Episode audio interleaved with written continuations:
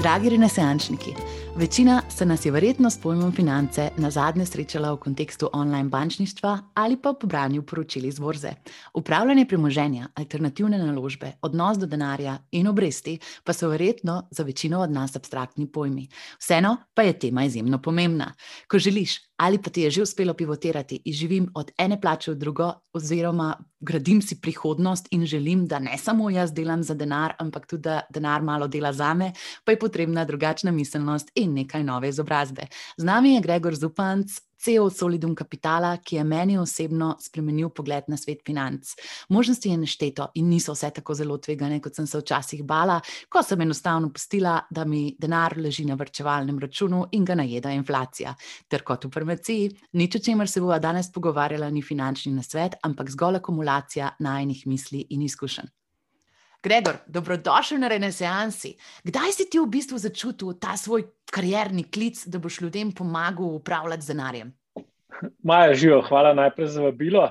Um, daj sem začutil, kaj pa vem, v bistvu meni so te finance vlekle že v gimnaziji, nekako, čeprav sem se čist druge stvari usmeril takrat.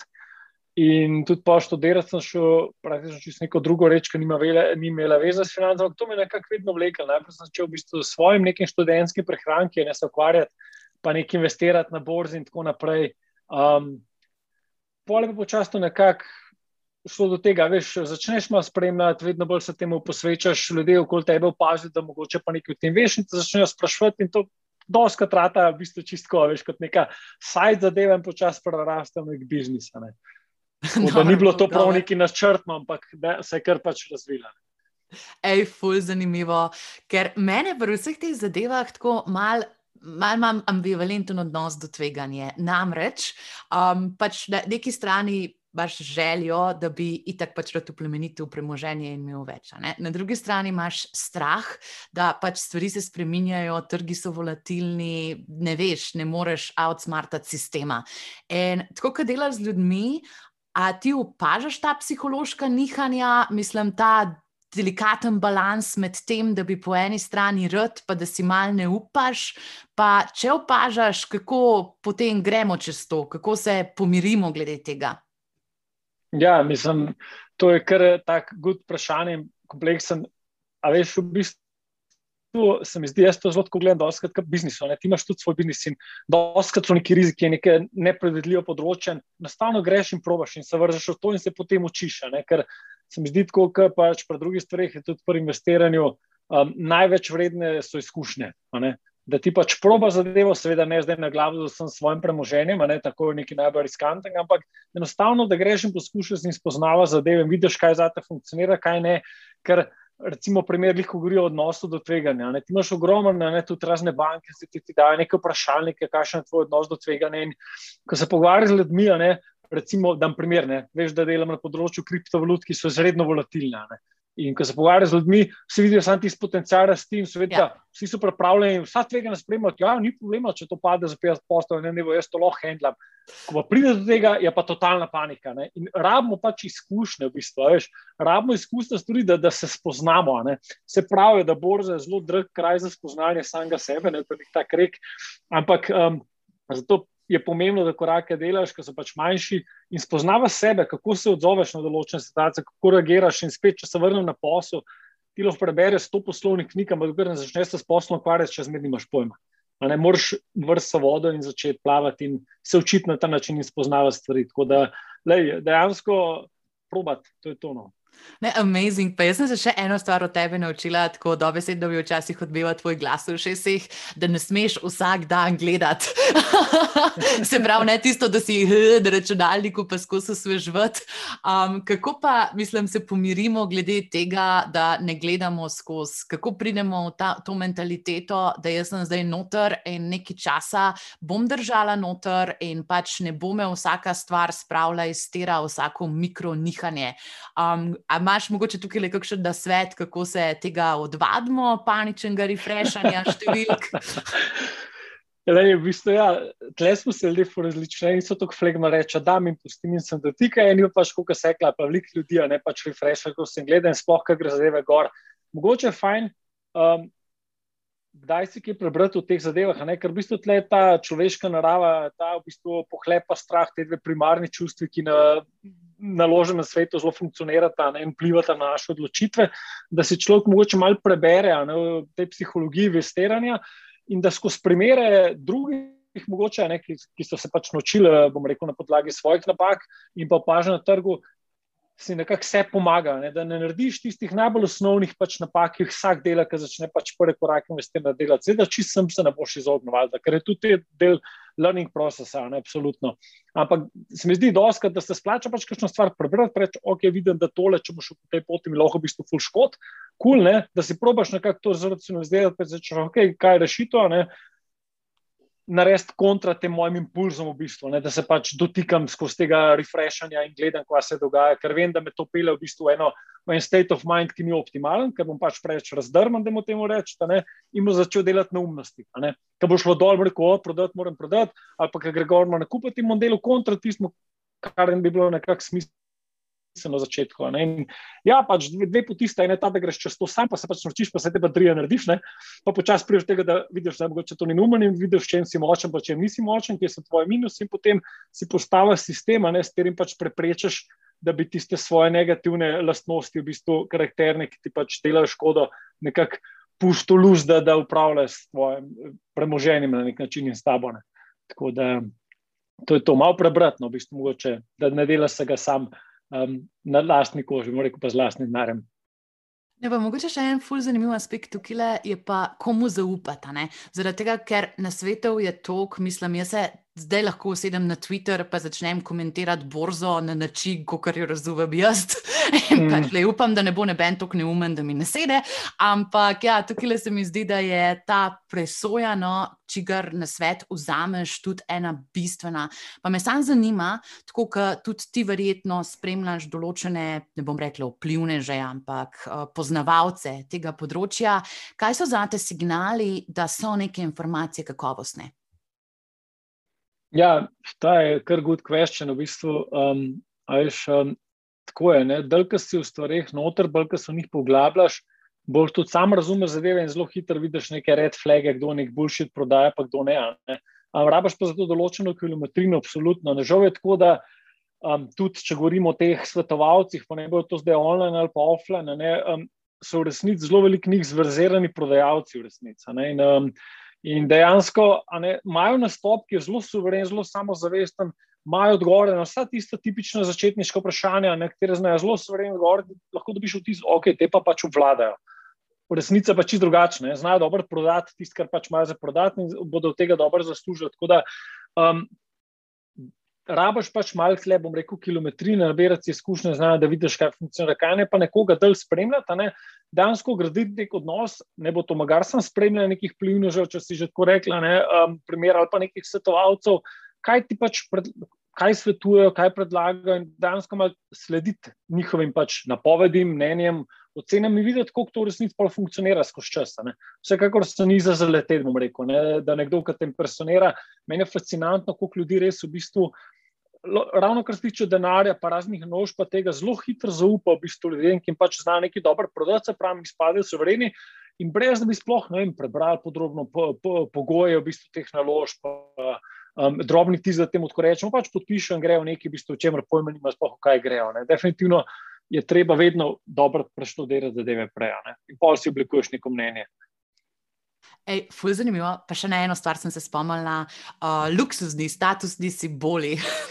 kakšen avto voziš, kje reče, vle imaš, kje ro torbico imaš.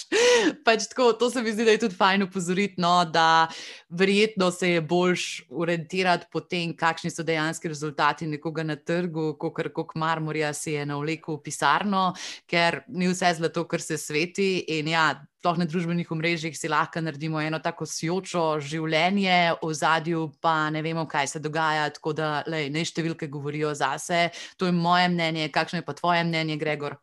Ja, glede tega imam jaz praktično enako mnenje. Ne, dejansko pač eh, sam ne dam veliko na te zadeve, ampak gled, jaz pravim, ljudje smo si različni, eni pač to potegne, enim je tudi pač pomembno, da rekla, nosijo hude znamke, hude avto in tako naprej. In nič narobe s tem, če kapital, ki so si ga zaslužili, pač porabljajo za take stvari. Pač, eh, kar se tiče, pač, ja, so tudi ljudje, ki imajo vse to, ne, je to pomenilo, pa furijo uspešne biznise, pa znajo dobro svetovati in so ljudje, ki jim to nič ne pomeni, pa furijo uspešne biznise. Tako da vsak naj se pač orientira po tistem, kar mu pa še ni pa to nikakor na eno ben. Mrdajni pač pokazatelj, da nekdo pa je zdaj zaradi tega uspešen, ker ogromno tega na razne leasinge in kredite, in ljudje potem nimajo za sprot, pa nimajo za dopust, zato da zdržujejo ta status na vrne. Um, in to je tudi ena taka igra smešna, v bistvu, ki se žal še zmeraj kar veliko ljudi gre. In identificirajo uspešnost s tem, kaj ima nekaj materialnega za pokazati, ne? čeprav je v bistvu to en tak velik boljši. Ja. Tako da absolutno to ni, to ni pač nek pokazatelj, ki bi, bom rekel, odražal uspešnost nekoga. Ne? Le, imaš primer, sam še dodam, da prosti, ja. Warren Buffett je najuspešnejših investorjev vseh časov, ne star gospod, po mojem, mislim, da počas po 90 upravlja pač na stotine milijard svojo firmo, ampak svojim partnerjem in tam, kam ekipo ima eno zelo simpel pisarno, živi v hiši, v kateri živi že desetletja, ima en simpel avto in mu vse tisto ne pomeni. Sveda mu druge stvari dogajajo, ne? ampak to res ni noben faktor, no, v bistvu, ne? noben pokazatelj. Najbolj hvala, ker smo se transparentno o tem pogovorili, zaradi tega, ker pač v taki stvari, ki iščeš zaupanje, ne, pogosto najdeš nekaj in se kar ubesiš gor. In to ja, ni edina stvar, na katero se gre za obešati. Mislim, da smo to zelo jasno zdaj le skomunicirali. Pol pa, ker si se glih že mečkaj dotaknila življenja, um, pač ti živiš tudi eno tako zelo celostno, polno življenje. Ne? Nisi cel dan za računalnikom, pa grafi, pa tehnične projekcije, ampak imaš v življenju tudi druge strasti. A bi nam lahko povedal? O tem? ja, lej, pač jaz mislim, vsi govorimo, ne, pa veliko se govori o tem work-life balance, da je pomemben in tako naprej. In spet je, bom rekel tako, ne, delam dosti z ljudmi v Aziji, tam veš, da so navajeni delati skozi, pa njih je ta 996, ne pravijo, v bistvu urnik, ne vem, pravi, delamo 9 zjutraj do 9 zvečer, 6 dni na teden. To je za njih pač normalno. Um, oziroma, včasih so del pa 7 dni na teden.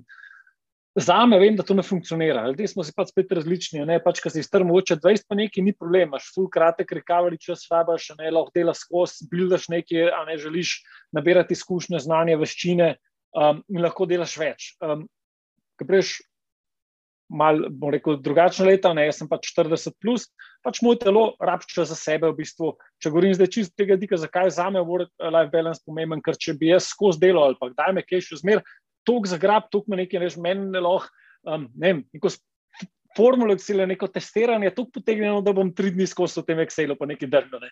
Ampak se moram ustaviti, ker se v bistvu skuram že teh treh dneh in potem, če bom od ponedeljka do sede delo, od jutra do večera, ker umrem, bom četrtek že brain dead. Ne. In za me je to pač enostavno pomenilo z tega, da lahko nekako konsistentno um, v bistvu ustvarjam. Seveda pa tudi zato, da imaš nek joy life, ker mislim, da nobenega, kakorkoli so nam naši biznisi, ki jih delamo super in fajn, pač tudi rabimo čez recovery, rabimo čez druge stvari. Za mene osebno še zmer tisti primaren source energija, ne um, pač družina. Um, in mora tle funkcionirati najboljš in biti vse super, ker lahko je biznis, ne vem kakšen, ampak če je doma rasulo, pač ne bo nobenega zadovoljstva od ničesar v life. In za me pač je pač to vse neka primarna zadeva, da smo mi ok, kot naša osnovna družinska celica in z tega lahko gre se vstavljati. In zato pač absolutno nisem ja samo za delo, ampak sem tudi za to, da se dela stvari izven tega. Um, in ja, ker se enkrat na svojem biznisu, to pač ne lahko ena taka past, ker se ti zdi, da vedno lahko še nekaj izboljšaš, še kaj popilo, še več naredil, še boljši in zelo hitro zloh če si malo nagnjen k temu, prižu tega, da delaš cele dneve, v bistvu, in potem si slega prej na poti tega, da se boš kar orang skura. Ne? Tako da je fajn, v bistvu, že prej nekako um, tudi druge stvari si najdete v life, ki se ti pač fan, pa joy početi. Ko pridejo otroci, tako tudi ne jasno. To je full fajn, in se z njimi ukvarjati, ampak ja, definitivno čas izven dela je izredno pomemben. Fulje zanimivo, ker se v tem govoru, zaradi tega, ker zdaj je tudi pač v tej populaciji, ki niso podjetniki, prišli do radikalne zamenjave. Se pravi, že to, naprimer, da so bili vrtci pa šole zaprti, to, da so ljudje delali doma, to, da so mhm. se naredile take spremembe tega bioritma, na katerega so ljudje navajeni, je mnogim ljudem pač tako popolnoma zameglilo, prevetrilo, prerešetalo meje med tem, kaj je služba in kaj je privatno življenje. Vem pa, da imaš ti uh, v svoji družini takšen prav poseben izziv, ker sta oba dva podjetnika, zelo uspešna podjetnika, tudi tvoja žena Blaška ima podjetje, ki se ukvarja z organizacijo porok, pa izobraževanji, pa event management, pa hmm. številne druge stvari. No, ona je res pač kot zvezda vse organizacije bi rekel slovenska Marta Stewart? Lej, um, se mi zdi pač če imate oba, če ste oba v podjetniških vodah, ima to tudi absolutne pluse. Mislim, da se oba zelo dobro zavedata, kaj pomeni svoj biznis furati in se razumeta. Ne. Se mi zdi, da je dosti težko v, ali pa težje v partnerstvih, kjer je eden je v teh podjetniških vodah, drugi mogoče nekje v službi, a nekje ima neko delo od do in težje razume v bistvu, ne, da pač ki ima svoj posel, pač ni od do, da pride obdobje, ki treba več za to sebe. Pa stisniti se, so pa tudi pomembno, si pa vzameš ta obdobja, ko, ko si frej in lih, le danes sem bila zjutraj pred pol ure skupaj na sprehodu s samo gozdo in to so te. Prednosti tega, da imaš svoj biznis in si lahko samo odreješ neko ne, razpored eh, dela skozi dan.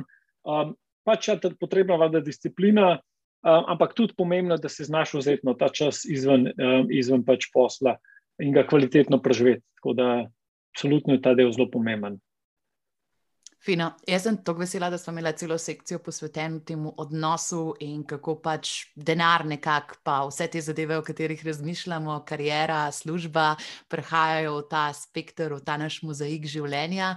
Zdaj pa se deva zožati, ker smo povedali vse te pomembne mm. fundamentale, ki bodo ljudem pomagali.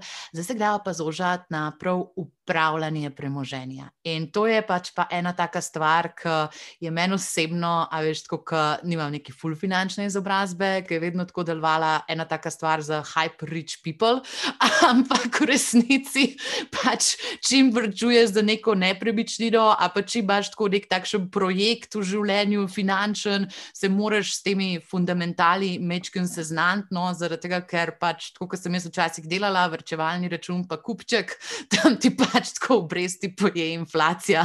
In to je bilo meni tako zelo grozno, ker sem mislila, da sem full pridna in da full dobro delam, ampak pol je bilo tisto, da ok, jaz pa v bistvu vsako leto manj denarja. Ok, ok. Um, tako da ne, bi sam rada, če lahko poslušalcem razloživa, kaj to je in za koga je to primerno upravljanje premoženja. Ja, mislim, da je pravno premoženje. Jaz mislim, če imaš ne, tisoč evrov na strani, to je neko premoženje, ki ga treba upravljati. Ne, tako, s tem se v bistvu zelo hitro srečaš, če imaš neke, nek presežen kapital, da mu temu rečeš. Ali pač, če si v službi, pa neke prihranke nabiraš s tem, ali če imaš svoj posel, pa si ti ustvari nekaj kapitala. Tako da to je pač ena taka tema, mi je zanimivo, pa zelo res velikrat, ne skozi. Pač, če gledam nazaj, kariero, sem se dosti začel z uspešnimi podjetniki, ki jim je še posel super, so generirali veliko, veliko enega kapitala s tem pa po drugi strani niso nič delali, ne? ali pa so celo šli v neke kvazi naložbe, ker jih je kdo pač prepričal nekaj in so to, kar so na eni strani zaslužili, na drugi strani izgubili s slabimi naložbami. In se mi zdi, da pač, um, ko enkrat prideš do tega, da začneš neke presežke generirati, ne, je nek kapital ali pa imaš neke cilje, kot se rekla, mogoče za nepremičnino, za karkoli, se pač temu enostavno, jaz mislim, da moraš posvetiti. Do, ta tema pač je tako pomemben del našega življenja, absolutno. Um, da je mislim, da zelo, zelo smiselno nekaj časa in energijo to ložiti, da vsaj osnove spoznaš, pa jih razumeš. Ker um, manj, kaj veš, lažje boš pač zgubil denar. En, en pregovor obstaja, ki se mi zdi, da kar dosti drži, da lažje denar zasluži, kot da obdržati. Um, in to je to, no, da veliko ljudi je dobro, so dobro v tem, kako zaslužiti, potem pa žal tudi znajo zelo hitro zgubiti, se pravi, ali pač potrošijo čisto, ali pa enostavno zaplezati v neke čudne naložbe, kjer zgubijo veliko denarja. Um, Zato to so taki skili, no, se mi zdi, um, razumevanje teh stvari, samo na osnovnem nivoju. Tako da bi rekel, da danes zelo me pač zanima, ne vem, uh, online business, ampak jaz se ne bi z računalniki ukvarjal. Ne. Ja, pač ne gre. Ne. Ne. Meni računalniki niso bili, ampak rad bi bil, pa ne vem, online business furo. Um, ne gre, ne.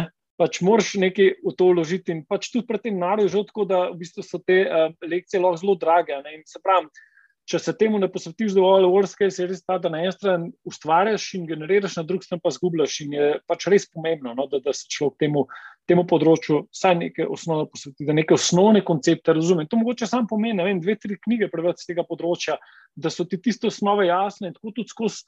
Veliko boljš vidiš skozi meglo raznih kvazi svetovalcev, slash prodajalcev, nekaj ti hoče nekaj dati, ker nekaj osnove razumeš in zelo hitro vidiš nekaj luknje pri nekomu zaradi tega. No. Tako da znanje z tega področja absolutno se mi zdi ful pomembno. Ne. To je fantastično in jaz upam, da nam boš tudi lahko kakšno konkretno knjigo priporočil. Bomo mi pa to linkali v spodaj pod opis te epizode. Um, ker ja, mislim, da ne bo sam kaj bogati očka, revni očka, kjer so te finančne 50 shades of grey, da mogoče je še kaj več, ki so bolj strokovnega, pa mogoče vezan na evropski prostor, mm. če imaš kaj, ne? zaradi tega, ker ameriški finančni prostor je tudi pač bistveno drugačen. Um, bi bila zelo vesela, no, če bi lahko mm. kakšno priporočilo poročilo, mm. link na epizodo. Bomo. Hvala lepa. Um, to je to, no. pa sem pa v bistvu mislila tako navezati na čist konkreten problem, ki ga ima ja. 80% poslušalcev tega podcasta. Se pravi, greva v scenarij, da si pred 40 letom želiš imeti nepremičnino. In pač ko vemo, ne, kakšni so približni mesečni prihodki v Sloveniji, Jurija 500, naprimer, mm. imamo plače in hitro ugotovimo, da haha, pred 40 letom bi pa to zelo težko. in zdaj, čisto hipotetično, kako bi se ti tega lotil z nekim izhodiščno plačo, naprimer 1500 evrov, tako na pamet govorim, kako bi v bistvu se pripravil, da bi do tega cilja lahko prišel, če bi lahko sam na primeru razložil, kakšne stvari bi mogel človek konsiderirati, kadar je v tej situaciji. Ja. Um... Jaz mislim, da je žal situacija taka, da če govorimo za nek par, ki želi priti do svoje nepremičnine, kot se je klenim do 40 let, pač če ima neko plačo v rangu, kot si omenila, mislim, da veliko drugih možnosti, ki kreditov resnici nimajo. Ne, žal je pač ta svet trenutno tak, da je to en ogromen, ogromen strošek, ogromna investicija in za veliko ljudi predstavlja pač to tak zalogaj, da brez tega, da si pač sposod denar, ne more priti do njega. Um, tudi če pač sistematsko na stran daje, ne, um, in se pravi, spet leče od 1500, rečeš 500 na stran na vsak mesec, je to pač 6000 evrov na leto in če to delaš pač, veš, 20 let, še zmeraj nisi naredil, ne vem kaj, v bistvu resnici le, še zmeraj ne moreš kupiti nepremičnine, pa tudi dvomim, da po 20 letih boš kar že imel 1500, tako je na mesec. Torej, če gledamo tako, ne, tako kot so stvari postavljene, samo s plačo in brez kredita, je to dosta težko izvedljivo. Torej, pač, ne, imaš pa možnosti, če si mlad, imaš čas v bistvu. Ne, in lahko razmišljaš, ok, lahko je še kaj na strani haslam, ne, si lahko še dodaten prihodek ustvarjam, v bistvu, s katerim bom pač lahko več na stran dajal, prišel hitreje do tega cilja. In tudi, ko se ti ta kupček začne plačevati, a lahko še denar, ki za me naredijo, ne, kot pravimo, v bistvu, torej, da nekam to investiram, iz česa lahko več ustvarjam. Um, In tako hitreje prihajam do svojega cilja. In, tako da vedno so neke rešitve, zdaj samo vprašanje, kako želiš biti pri tem pač aktiven, ko želiš v to nekaj časa energijo vložiti. Definitivno se mi zdi, da je full, full fine vlagati pač neke svoje skile, poskušati v bistvu generirati nek dodaten prihodek, poleg tega, da ti pač plače. Vse to pač pomeni spet, gre tvoj prosti čas, tako da je tebi odvisno, kaj ti je pač bolj pomembno. Ne, na koncu vedno tle tehtaš.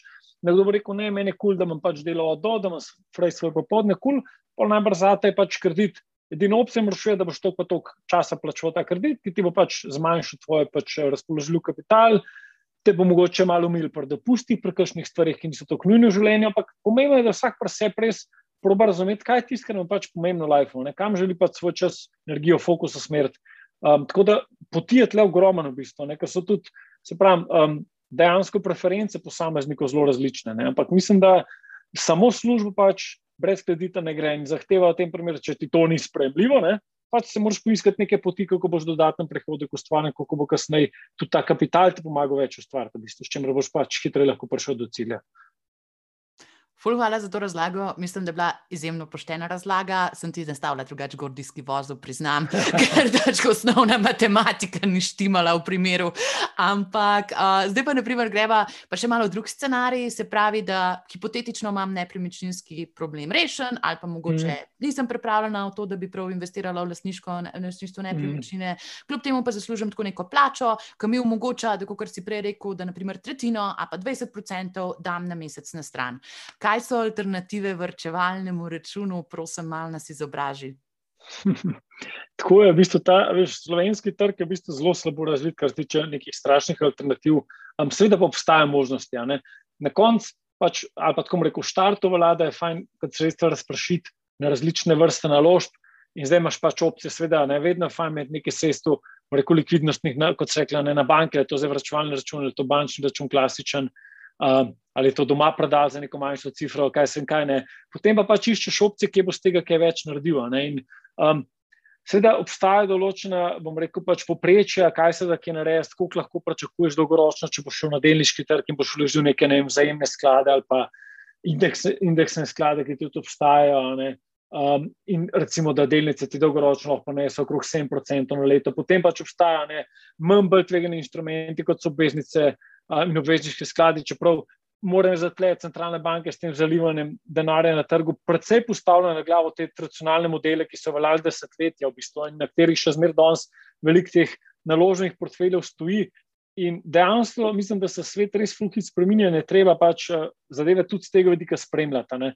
Kaj so te šifti, ki se dogajajo, tako kot pač ne vem, kaj prenašajo kriptovalute. In enostavno je vedno se mi zdi pač pomembno tudi, da um, nekaj daš pa tudi stvari v, ne moremo reči, high risk, high reward zadeve, kjer je potencial za, za res nekaj veliko stvar, tudi večji, seveda tudi tveganje večje, da potem rečeš, ok, tudi 5% recimo svojih pač. Eh, prihrankov bom pa dal nekaj tazga, ki je rizično ne, in mi lahko prenese sicer tudi veliko več, ker pač enostavno ne višja nihanja, višja rizičnost ima tudi višji potencial za donos. To je pač neka osnovna logika. Če ne želim nobenih nihanj, da ima na bančni račun, ampak tudi temu primerjamo pač donos iz tega. In zdaj pa več, ko želiš ne, nekako stvar razlika donosa, več moraš tudi tvegane, kot temu rečemo, prevzema začeta. Ne, in, um, če greš neko tako stvar, recimo kot je danes, ne tak Bitcoin in podobno, um, o katerem se veliko govori in se res dogaja, in enostavno mogoče tudi precej visoke stopne donosa, saj do zdaj jih je. Um, da daš tja del svetu, ki rečeš, ok, kaj pa je worst case scenarij. Jaz zmeraj v bistvu, ne, ko o stvarih razmišljam, pogledam, ok, kaj pa je worst case scenarij. V tem primeru je worst case scenarij, da zgubim celoten ložek. Torej bom dal tja, bom rekel, tok, kot lahko jaz mirno pač požrem, da mi to ne bo vplivalo na življenje. Ne? In pol je res pomembno držati tega v bistvu plana, ki si ga pač zastaviš. En reče, le jaz sem pač bolj ziharaš, meni so bolj ne vem, oprimljive stvari. Uh, jaz bi pa pač, ne vem, pač raj kupoval kakšne plemenite kovine, karkoli, da imamo zelo različen pogled na to. Ampak point je tem, da za nazaj si vemo, kaj najbolj bilo donosno. Za naprej pa noben ne ve, ne od danes čez deset let, kam, kaj bo največ ustvarjalo. Pač tega noben ne ve, to je dejstvo.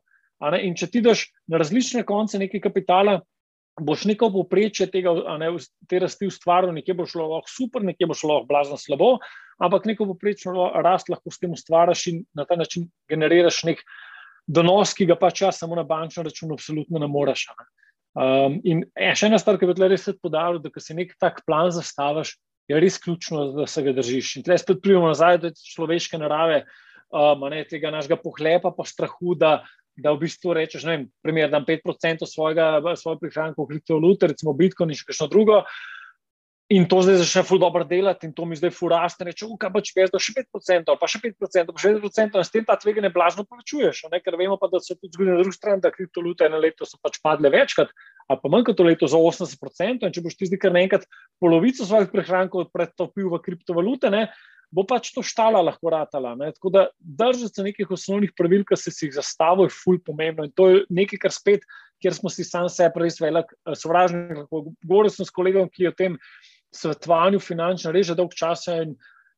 Doskrat je kar malo upan, ko prav postavimo plan z ljudmi, dejansko načrt, prišli bomo desetih letih, dvajsetih letih do tega cilja in si vse postavijo, kam se bo kaj dajal, kam bomo rčval, tok na mesec tja, tok na mesec tja. Potem pa po par letih nabere nek kupček in reče: U, super, jih bomo avto zamenjali, da imamo novega zazet večjega. Ne? In vse, kar so par let vrčevali, podrejo v bistvu iz plana. In tega je res veliko, zato v bistvu pravim, da, da sam je res pomemben, da si postavimo nek plan, da se ga znamo držati ne? in da se ga pol držimo.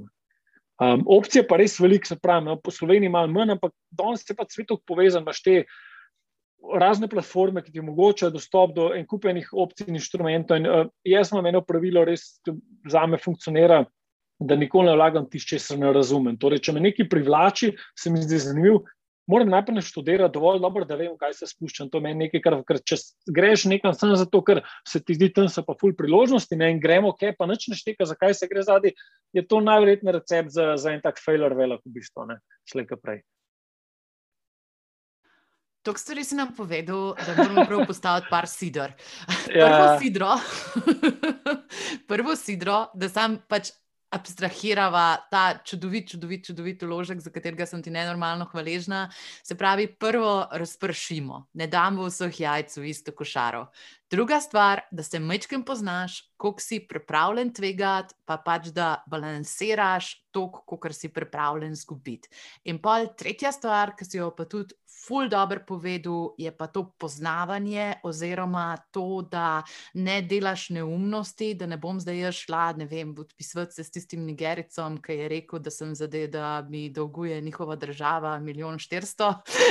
to, to je mogoče ena taka zelo čudna situacija, ampak ne pač tako, da naštudiraš, da si zavestno zraven, ker drugače imamo kazino. A nimamo kazina? Ja, mislim, generalno je veliko te finančne industrije in tako kazino, sploh kot se zdaj vrti, ne? in pa se igraš to igro. Ampak pomembno je, da razumeš, no, v bistvu, kaj vlagaš. To se mi res, ne, da, da, da veš, zakaj gre. Ne samo, ker te vlečejo pač visoki potencijalni donosi, ampak da veš, kako se pač ustvarjajo, kaj je tista dinamika, ki omogoča to v bistvu resnici zadnja. Um, in če ne razumeš, če je nekaj prekompleksno, pač ne, mogoče ni zate zadeva. Ne.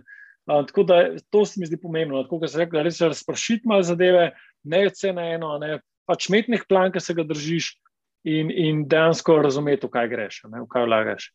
Ja, to si v bistvu ti rekel, jaz sem se zapisal. No, super si povzela. Ja, ja, tri plovila. Ja, ja, Ej, pa pa sem še ena taka stvar, o kateri sem jaz tako dosta razmišljala, zato ker sem tako kind of zgodovinski geek. In pač moja hipoteza je, da ima vsaka generacija vsaj eno ogromno finančno priložnost, takrat, ko se pač dogaja redistribucija premoženja. In tako, če pogledam, ne vem, po lifespanu mojih staršev, pa naprimer mene, oni so imeli pač takrat, ne vem, jaz binškov zak zakon, se pravi za ston stanovanje, pa so imeli delnice oziroma privatizacijo, tam se je dal dobro dobro obrniti. In zdaj pa ne vem, naslednja stvar, ki jaz internet babla, pač takrat še nisem imela nekega premoženja, ampak so mi bile pa tako kriptovalute. In ful me zanima, ti, ki pač valjda poznaš vso zgodovino, kaj se je dogajalo na finančnih trgih. A tako bi se strinjal s tem razmišljanjem, da takrat, kadar je ta priložnost, da pač tako pet mal noter in vsaj ne študiraj, če ne boš glih investiral, ali vidiš kakšno drugačno dinamiko? Ne, mislim, da tako rekel, ne nasplošno, res, da naložbe v neke nove, inovativne zadeve, naložbe in inovacije so tiste, ki prinašajo največje pač priložnosti ne, za donose. In, um, se mi zdi, da res trenutno je ne, kriptovalute in vse, kar je povezano s tem, tisto področje, ki res prinaša neko, bom rekel, visoko priložnost ne, za nadpoprečne donose. In da je razmerje med tem potencialom in tveganjem v bistvu uh, ki temu pravijo, v bistvu naložbo nekim asimetričnim ne, um, potencialom, v smislu, da je pač potencial za nas to hviči, kot je tveganje. In ja, jaz mislim, da pač uh, priložnost trenutna, saj kot vidimo, ne naše generacije so pač, jaz mislim, da Bitcoin in ostale kriptovalute določene, um, da omogočajo nekomu, ki reče, da dam en del prihrankov v to v naslednjih letih ali pa desetletjih iz tega narediti res en, en, en, en tak. In to, to kapitala, da mu spremeni lahko življenje, v bistvu. Marsko mu že zdaj, dejansko spremenili. In tudi, če gledamo, ti cikli v kriptu so res uh, veliki močni. In tudi nekdo, ki je kupil Bitcoin na vrhu prejšnjega cikla, konc 2017, v praksi, ki je bil Bitcoin blizu 20 tisoč dolarjev, a veš, danes je več kot 55. Se pravi, tudi če še noter najslabšem možnem času je naredil donos v bistvu v štirih letih praktično še manj kot štirih letih, višji kot večino drugih naložb, ki obstajajo na trgu v tem času. In, in mislim, da res imajo pač potencial, je pa treba pač spremljati tudi ta trg.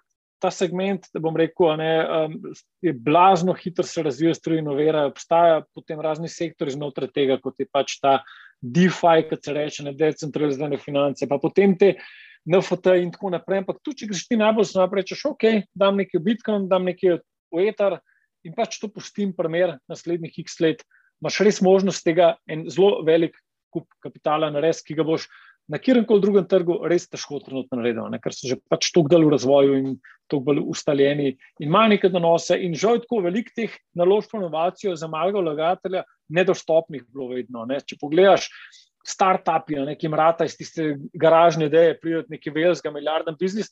To je rezervirano za velike premožne vlagatelje, zakonodaja je že taka, ne, da pač malim onemogoča sploh prideti v take naložbe. Svet kriptovalut je v bistvu res prvič to omogočil. To, da je to dostopno vsakmu resnici. Da lahko tudi z mehkim vložkom, par sto evrov, pride tako zdaj, ali pa celo, še manj, če želijo. Ampak dejansko je nekaj, kar, kar je dostopno zdaj res vsem ima seveda svoje tveganje, ampak po drugi strani res enormen potencial in ja, mislim, da so ta hip kriptovalute tista priložnost generacije. Mene je to ful dobro razmišljanje, pa tudi, a veš, če greva nazaj na tisto, kar si prej rekel, se pravi, stick to your plan, da moraš se držati plana, ki si ga zastavil, se pravi, ne da vsak dan usvežuješ. To govorim zaradi sebe, poslušalci, mm -hmm. ne zaradi vas. um, ne da pa se vsak dan čez, tam si šlo pa 6% dol, bi že srbijo prsti, da bom prodala, ampak da imaš pač tako neko tako igro do končnega cilja zastavljeno, pa da se držiš tega, po drugi strani pa tudi tako, ne, da nimaš tam res pač tako tri četrt svojega premoženja, zaradi tega, ker potem se pritisk normalno, sorazmerno viša. Dobro, mislim, da smo to ful dobro povedali. Jaz se absolutno strinjam s tem, kaj je bilo povedano. Agent, to so najna mnenja in najne izkušnje. Zdaj pa greva se predstaviti na podjetniški segment. Ker to je pa tudi mm ena taka stvar, ki jo pa zelo slišim od svojih mentorirancev.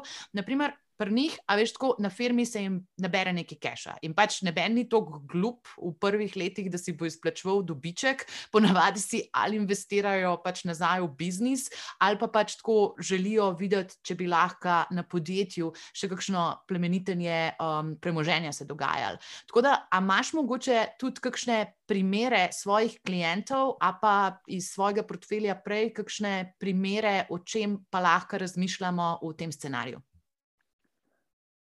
Ja, mislim, tako kot si sama rekla, ne, dejansko, ko ustvarja nek kapital, malo mogoče nek presežen kapital, jaz mislim, da je vedno full fine, če so možnosti, pa če jih vidiš priložnost investirati nazaj v svoj biznis, ne, ker tam v bistvu ti ovnaš stvari.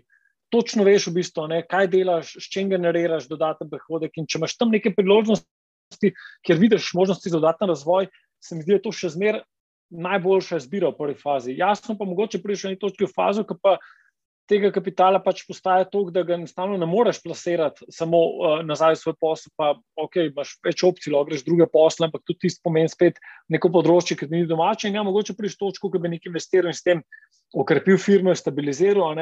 Um, tako da, absolutno tudi podjetniki in podjetja sama in začenjajo o tem več razmišljati, investirati v bistvu v različne pač možnosti, ki so na trgu. Vsej logika tle v resnici je zelo podobna kot na osebnem nivoju. Ne imaš nek presežek, ki ga pač ne boš rabo še toliko časa in ga pač lahko investiraš na različne konce. Um, pojavlja se tudi tukaj, da, da pač firme začenjajo del svojih rezerv, ki so ležale samo na bančnem računu, mogoče majhen del, dati v kakšno kriptovaluto ali pa kaj tasga. To ima zagotovo smisel. Um, ampak še zmeraj se pravi, vlagati v svoje skile, bom rekel, v, v, v, v, v razvoj sebe kot osebe, da, da si pač vedno bolj sposoben v bistvu. Uh, in nazaj v poslu se mi zdi pač super naložba, vedno se mi zdela super. In tudi, ko si enkrat, mogoče še mlajši, še prej imaš svoj posel, da ko govorimo o vlaganju, ne zdaj se govori o raznih naložbenih uh, možnostih in produktih in delnicah in kriptovalutah in tako naprej. Se mi zdi res ful pomembno, da se ne pozabi, da vlagi pač v sebe in svoje znanje in svoje veščine. In na, na ta način lahko generiraš v bistvu še več, kot pa samo z nekim naložbom neke druge, neke druge inštrumente. No. Tako da ta del se mi zdi ful pomemben. Jo, zdaj me pa že spominjaš na Deva Remzija, ki je rekel, da your ability to generate revenue is your greatest skill. A, absolutno se strinjam s tem, ja, lej, absolutno se strinjam, pač, ker se pravim. A veš, v bistvu, tudi če gre na uno nazaj, shodišče, ki so rekla, ne vem, nekdo samo s plačo, ki želi priti do nepremičnine, ta bo težka. Ne? Če boš vlagal del teh svojih prihrankov, tudi v razvoj svojih skilov in šel to pot in si zgeneriral više prihodka, ne boš hit, bistveno hitreje do tega cilja prišel, kot pa če bo samo nekaj na stran plače dajal. Absolutno da ja. Ne? Tako da to je, se mi zdi, res, res pomembna zadeva. The best. Zdaj se pa preseliva v lifestyle sekcijo. Zaradi tega, ker je lifestyle sekcija. Zdaj bom prišla lepo, full on, novinarska vprašanja o njiju. Ne, se ne bo tako hudo. Sam, veš, kaj sem tako ugotovila v uh, osebnem življenju? No? Um, da je full odvisno, kakšno filozofijo denarja imaš v zvezi s tem, kakšno pričakuješ, da bo prihodnost.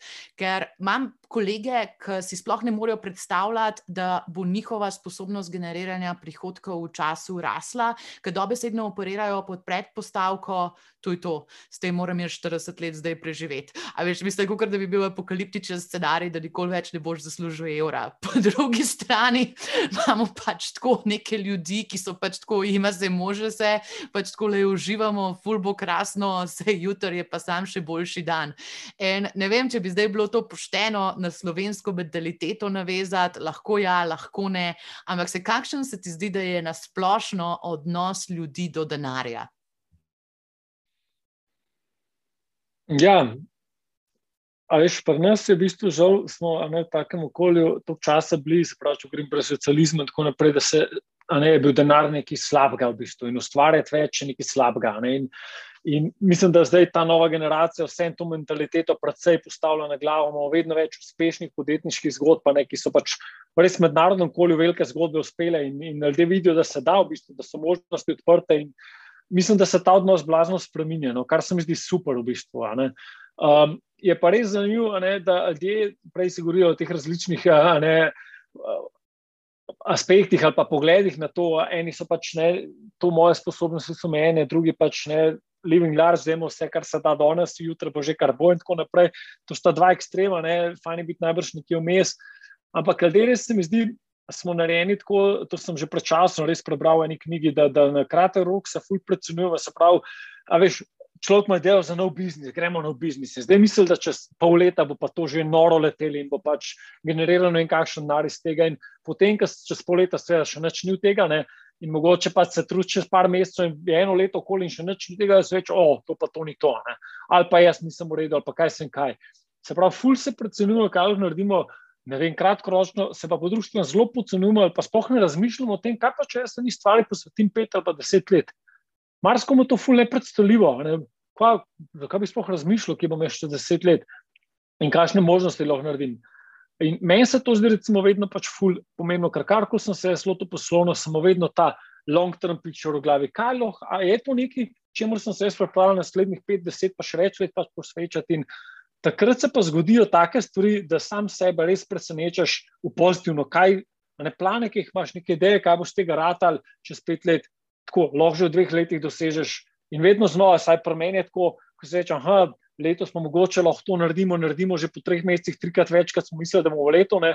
Seveda pa to ni čez noč. Pač, ampak dejansko bomo rekel, imeti malo ta bolj dolgoročen aspekt v glavi, ker res lahko naredimo long term, full več, kot si pač mislimo. In pomemben je pač ta dedication, ne, če v neki verjameš in misliš, da se da, da pač rineš to malo časa, pa sam par mesecev. Ker si vemo, da nova firma pač traja nekaj časa, da se pa spostavi, stabilizira. Ampak lahko pa tudi fuhite, le veš, imaš pa zgodbe, ki res v parih mesecih nares nekaj fulvelzga. Čisto odvisno, ampak pomemben je dansko ta odnos do denarja, ki se rekla, no, v bistvu, da, da prvo ni to.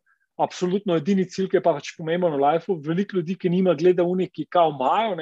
Se mi zdi, da če bom pa enkrat premožen je pa to, to, zdaj pa sem dosegel point of life in je sam še bliž pa od zdaj naprej. Ne, valjda, da ni to tako.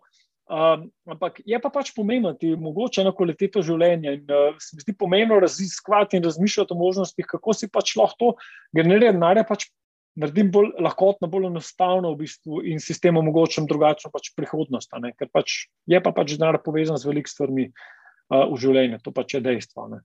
In gremo vedno bolj v to smer. Oh, kako, kako vedno tako nekaj globokega v sebi začutim, kaj ti razlagaš te zadeve. Tako denar in psihologija bi lahko bil naslov te epizode, a pa spoznaj sebe in svoj odnos do denarja. Ne, ful mi je všeč, zato ker gledaš tako holistično, ker pač tako vzameš vse te odtenke človeške narave v obzir. In ja, mislim, da na ta način ful lažje funkcioniramo, ne samo z denarjem, ampak tudi sami sabo, če gremo mečke na potovanju v notranjost, preden gremo res vse svoje prihranke dati um, v najbolj tvegano naložbo, ker se jo spomnimo. In ker smo že glih pri tem, v osebnem življenju pa zdaj. Brez kakršnih koli imen, a pa anekdotičnih podobnosti, kje napake opažaš, tako, kaj ljudje delajo z denarjem, ki ti tako rečeš, mm, mm, mm, mm, mm, tole pa ne bo v redu. Ja, um, Pravim, prvo, kar sem menil, kar sem že prej menil, se mi zdi, da dosta ljudi enostavno se fokusira na generiranje samo ne, prihodkov in imajo pač posle, ki super tečejo, potem se nabirajo tam kup denarja, ne, s tem se pa nič ne ukvarjajo. Potem seveda je to baše in potem se ukvarjajo samo to, da jim ta problem nekako na stran da, se pravi, kupijo na svet nekoga, ki jim pač v bistvu resnici nekaj prodaja in potem naredijo bedarijo. To, to, to res pogosto no, podjetnikih vidim, ker se veš, da ima samo to kur in vsi smo tako fokusirani na building svojega biznisa, da potem ti z denar nekje tam je pa zdaj večji, kaj kup, bolj se nam zdi nekaj, s čimer se moramo ukvarjati in da je to na hit nekako rešiti. In to je ena taka napaka, ki res velikrat pač v bistvu potem pripelje do zelo slabih rezultatov s tistim premoženjem. In kot sem rekel prej, mislim, da denar je na tako področju, temu je treba tudi naložbe posvetiti nekaj časa pa energije. Ne. Pol sveda imaš drug aspekt ljudi, ki čim malce začnejo služiti, in spet ne, se kratkoročno predcenjuje, da smo to revenue, čez pol leta bo pa ta petkrat večji ne, in gremo že zapravljati, če prej smo zaslužili. Ne. So že plani, nov avto, kot pravim, na leasing, pa, pa ne vem, še malo večji stanovanje na kredit, pa hud dopust, kaj sem kaj. Imaš tudi take ljudi, ki, ki enostavno začnejo zapravljati, če prej že res zaslužijo dobro. Ne. In potem grejo ta kolesje. Ker si pol vedno ujetnik teh nekih obrokov in kreditov in tega in, in statusa, Ne, ko enkrat to zgodbo zaplavaš, noter je težko z njej stopiti. Tako da to, to sta ena taka, da bom rekel, pač dve stvari, ki je dosti pogosto vidim, no, v resnici, kar se tega tiče. Um, pa, kot sem rekel prej, že no, res ta, ko neki grejo, da spremenijo ljudi skozi neke plane glede tega. Vse jasno, life je tak, da se stvari spremenijo in treba biti. Se mi zdi fleksibilnost ena pomembnih lastnosti v lifeu, nasploh ne bo to biznis ali pa privat ali pa ne bo naložbe. Ampak vsem, če si glede naložb nek cilj, nek načrt zastaviš, res pomembno, da se ga držiš zelo ljud, hitro, ljudje devijeramo od tega. No? To, to so ene take stvari, ki se mi zdijo pač pomembne. Še en rek, ki pa meni fulu všeč, pa je, da nikoli nimaš dost informacij o zdravju in o denarju. Da to sta tiste dve področji v življenju, v kateri nikoli ne moreš biti dovolj informiran, ampak kljub temu, recimo, da vzamemo to zrnom um, zdrave kmečke pameti. Kdorkoli je poslušal to epizodo do te točke, ima resen namen, da bi nekaj novega probu, pač se mečkam bolj za obljubu, kenmu načrtu upravljanja denarja oziroma nekaj spremenil na področju svojih financ. Gregor, enostavno vprašanje je, kako začeti? Ja, good question. Tako sem rekel, probati v bistvu stvari. Veš, prebrati, naštudirati, narediti prve korake, nič preveč agresivne, uh, spoznavati zadeve, videti, kako funkcionirajo, videti, kako vplivajo na tebe kot osebo. Ne, že prej so govorili, obstaja in kupenih naložb, pod manj dobro tveganih. Videti skozi uh, dansko pač poskušanje, skozi prakso, kaj te funkcionira kot osebja. Ne, ker pač žal ni tle res nekega enkratnega. Načrta, ki bi rekel, da je točno tako, vsi delite, pa je to to, ne? ker smo ljudje tako različni. Uh, Lej, um, za nekoga, ki je res ne sfokusiran na svoj biznis in um, mu ta zadeva z naložbim denarjem ni blizu, žal pa še enkrat, ne, nek osnovni znanje je treba pridobiti, jaz mislim, ker ti pač res lahko pomaga prešparati velike napak in umnih odločitev, zaradi katerih lahko zgubiš ogromno denarja. Tako da mislim, da to je ful pomembno, da se pač tok znanja pridobi nekdo. Potem pa, lej, če, če vidite, da, da pač je to pač bir, vse nekomu drugemu, da obstajajo, seveda tudi sloveni svetovalci, ki znajo te stvari zelo sistematično, zelo celovito narediti, prav se vse s človekom, ga poslušati, videti, kakšne ima cilje, ne, um, kaj želi doseči, mu narediti nek plan in mu ga pomagati vzdrževati. So pač, žal jih je zelo malo, skrbi pa je, še enkrat, ne, ker so Slovenci ta trg nikoli ni tukaj razvil.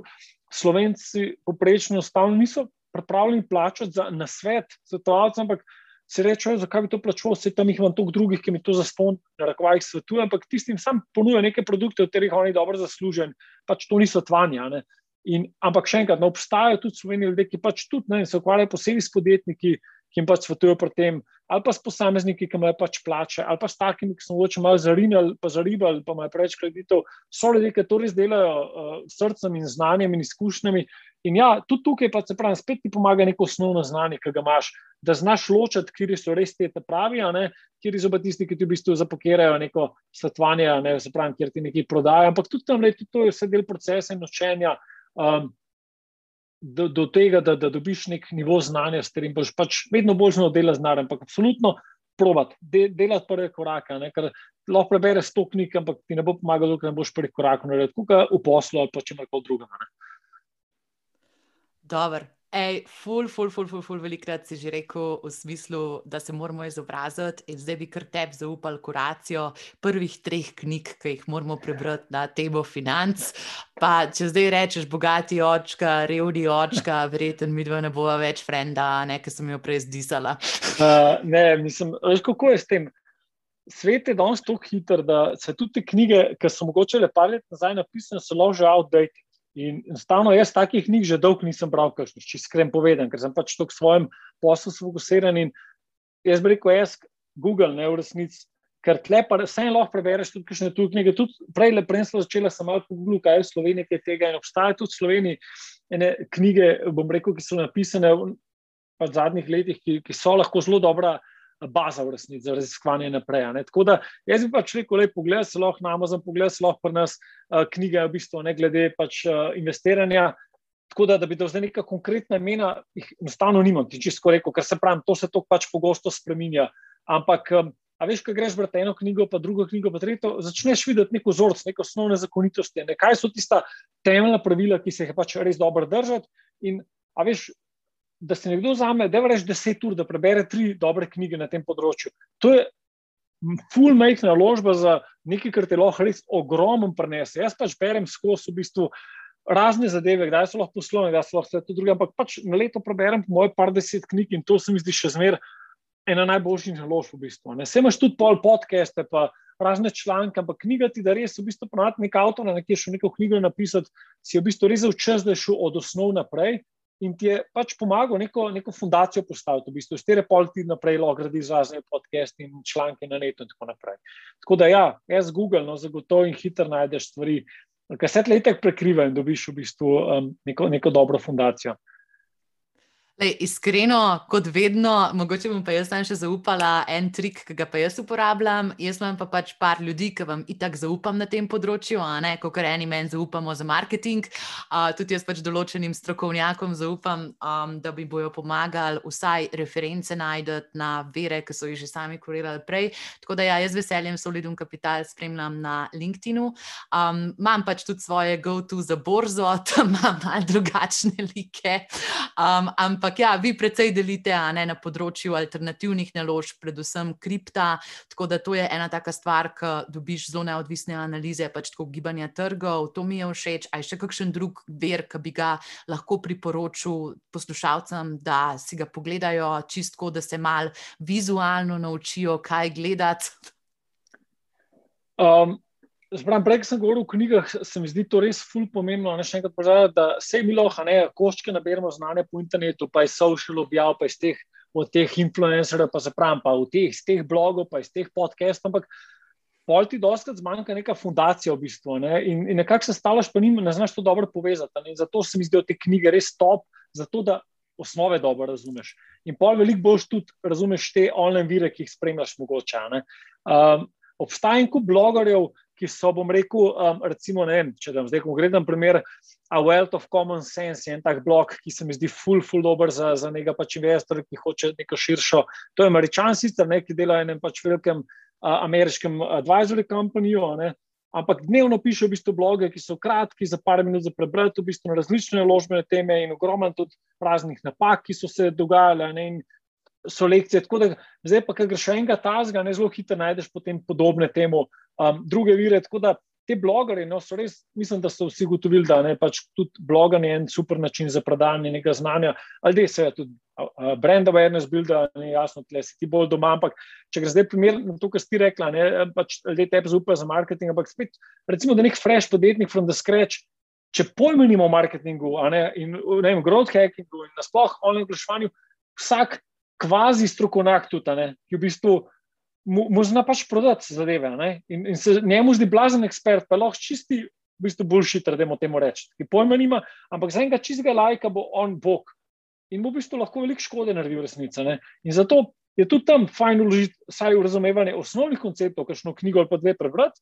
Aha, ok, štekam te osnovne koncepte, in pa, ko se z enim pogovarjaš, ne moreš bolj šiter, zelo hitro vidiš, da je to bolj šiter, v bistvu, ne? ker so ti osnove jasne. Pa vidiš, da mogoče uno sploh niso jasne. Um, da, a, mislim, ali lahko ti komentiraš, kaj pa potrdiš, ali pa daš mnenje, ker um, na vseh področjih je tako. No, tako da zato podarjam res te knjige za prvi korak, sem jih super par uložiti, par ur to uložiti, da razumeš dobro osnove, pa boš pa tudi najdel vire, ki se te res, ki vidiš, da, da, da so smiselni in so blizane, ki so te blizane. Ne, le, jaz se s tem ful strinjam in mislim, ne vem, kako to v slovenščini povedati, da si bil okus lastnega zdravila, poslal si nas nazaj k osnovam. Ker ja, jaz sem tako, tako z vidika, veš, mislim, čist. Porabe, racionalne porabe sredstev razmišljala. Lej, mislim, moj brat je eden izmed najboljših advertizerjev. In jaz imam zdaj le eno stranko, ki hoče, da bi on jim razložil osnoven setup. Mm. Pač ne.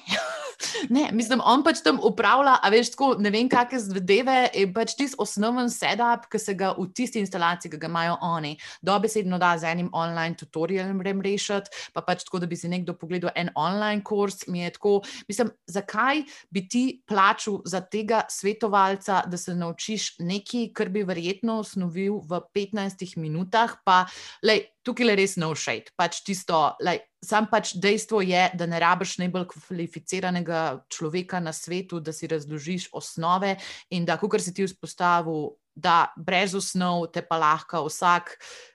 Boljši, ker smo imenovali, boljši, ker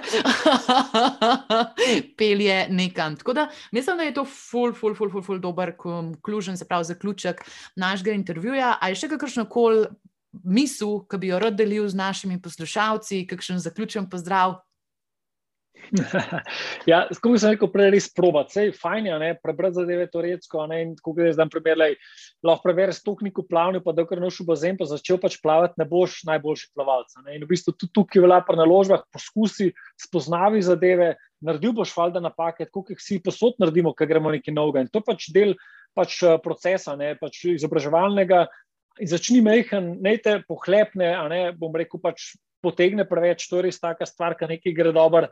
Um, ampak ja, začni delati mehne prodarne korake in pridobivi znanje, vlagaj svoje znanje, ker kako je to klišejsko, ampak se mi zdi, da res to ti lahko ogromno pač prešpara in po drugi strani pomaga ustvarjati več na katerem koli področju. No, tako da to je tole. In še enkrat hvala za čudovit pogovor, ki je mnogim verjetno odprl oči in spremenil razmišljanje. Hvala lepa, ker na takšen transparenten in poljuden način, se pravi, da te vsi dobro razumemo, komuniciraš to svoje znanje, um, te svoje izkušnje, definitivno srečno na tvoji podjetniški, osebni in finančni, tokrat prvič rečeno, poti še naprej. Lepo bodi, čau! Hvala, Maja, čau, vse lepo tudi tebi in hvala za bilo.